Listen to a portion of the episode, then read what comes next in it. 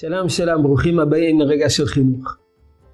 כי מדי חג אה, השבוע אה, נזכה לשמוע את רבני הישיבה אה, מראשון עד חמישי לקראת פורים, אז היכונו ואתם מוזמנים להצטרף אלינו. אה, הפעם אנחנו נעסוק בסוגיה חינוכית הלכתית. האם אה, ילדים קטנים נצטוו במקרא מגילה, יכולים להוציא את הזולת בקריאת המגילה? התשובה היא, זאת מחלוקת תנאים במשנה. רבנן אומרים שילדים קטנים, כמו בכל המצוות, הם אינם חייבים ואינם יכולים לקרוא מגילה. לעומת זאת רבי יהודה אומר שילדים קטנים כשרים למקרא מגילה, זאת אומרת אפילו יכולים להיות אה, בעלי קריאה בבית הכנסת ולהוציא את הציבור בקריאת המגילה. מה מיוחד במקרא מגילה שילדים קטנים אה, כלולים במצווה הזאת לדעת רבי יהודה?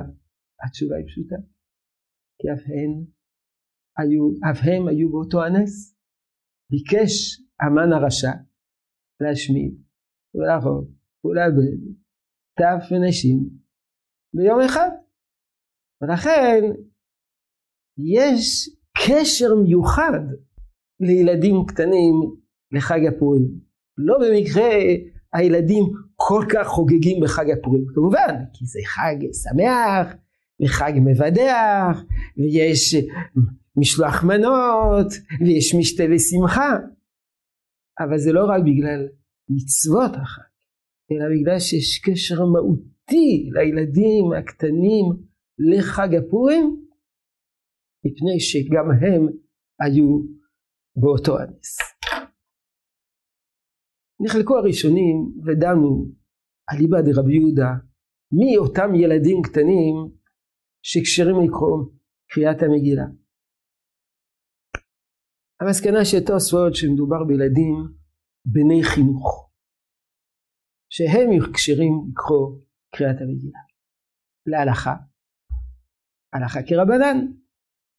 לילדים קטנים לא נצטוו במקרא מגילה, לא נצטוו במצוות כמו בכל יתר המצוות.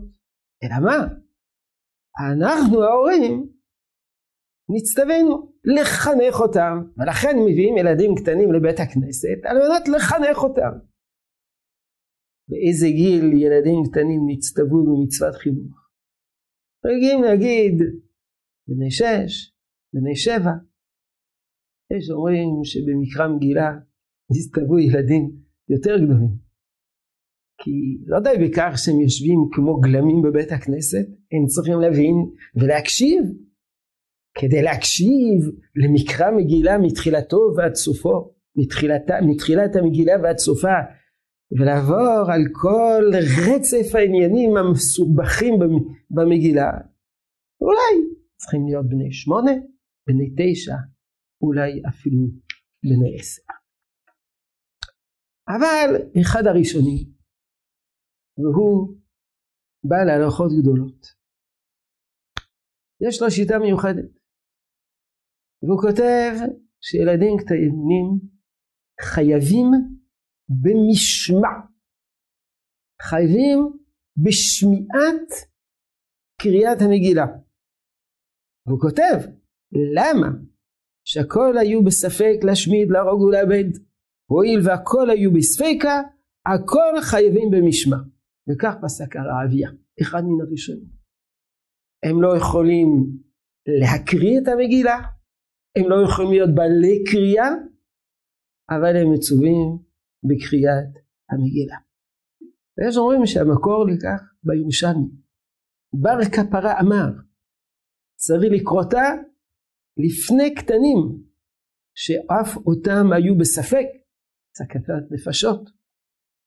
רבי יהושע בן לוי עבד כן, עשה כך, מכניס, מכנס בנוי ובני ביתה, וקרי קומהון וקורא לפניהם. וכותב הרביה שהדברים אמורים לא רק בילדים שהם בני חינוך, אלא אפילו קטנים שלא הגיע להם חינוך. רק שיודע להבין צריך לשמוע מקרא מגילה. הוא מסביר בהמשך שיודע לשאול מפרסמים הנס להם. וגם ילד קטן שלא כל כך מבין יבוא לבית הכנסת ישמע מילה פה מילה שם ומה יעשה כשאשוב לביתו? ישב את הוריו. מה שמעתי? על מה דיברו? מי זאת אסתר? מי זה מרדכי? מי זה המן הרשע שכל כך היכו כל, כל אורך קריאת המגילה באזכרת שמו. ואנחנו נסביר לו. ועל ידי זה יתפרסם הנס.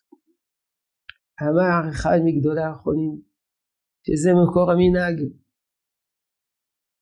וכך הוא כותב מביאים קטנים וקטנות לשמוע מקרא מגילה לחנכם במצוות פרסום הנס. ומטעם זה נוהגים הקהל לקרות אילו הפסוקים בקול רם שהם התחלת הנס וסופו והם איש יהודי. כל הציבור חוזר על הפסוק הזה ומרדכי יצא ליהודים כי מרדכי כדי לעורר את הקטנים שלא ישנו ויתנו ליבם אל הקריאה. קצת מזכיר את ליל הסדר. וכך כותב הטור. מכאן נוהגים במקצת מקומות ולהביא קטנים וקטנות לשמוע מקרא מגילה. וכך נאמר בשולחן ערוך מנהג טוב להביא קטנים וקטנות לשמוע מקרא מגילה. לא כמו בהאג שזה חובה אלא מנהג טוב. על איזה גיל מדובר המשתברורה אמר אולי ילדים בני חינוך?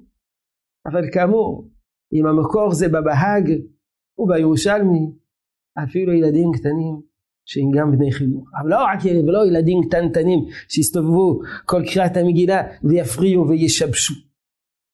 למדנו שבמצוות קריאת המגילה יש קשר מיוחד לילדים קטנים. לפי דעה אחת דעת רבי יהודה הם חייבים לפי דעת רבנן הם לא חייבים אבל מחנכים אותם לפי הבהאג והרעביה לשמוע הם חייבים ולפי השולחן ערוך מנהג טוב להביא ילדים קטנים ובלבד שאחר כך ישאלו ואנחנו נסביר להם ובכך יתפרסם הנס. יהי רצון שתשרה הברכה בעבודתנו החינוכית. 接到我们下。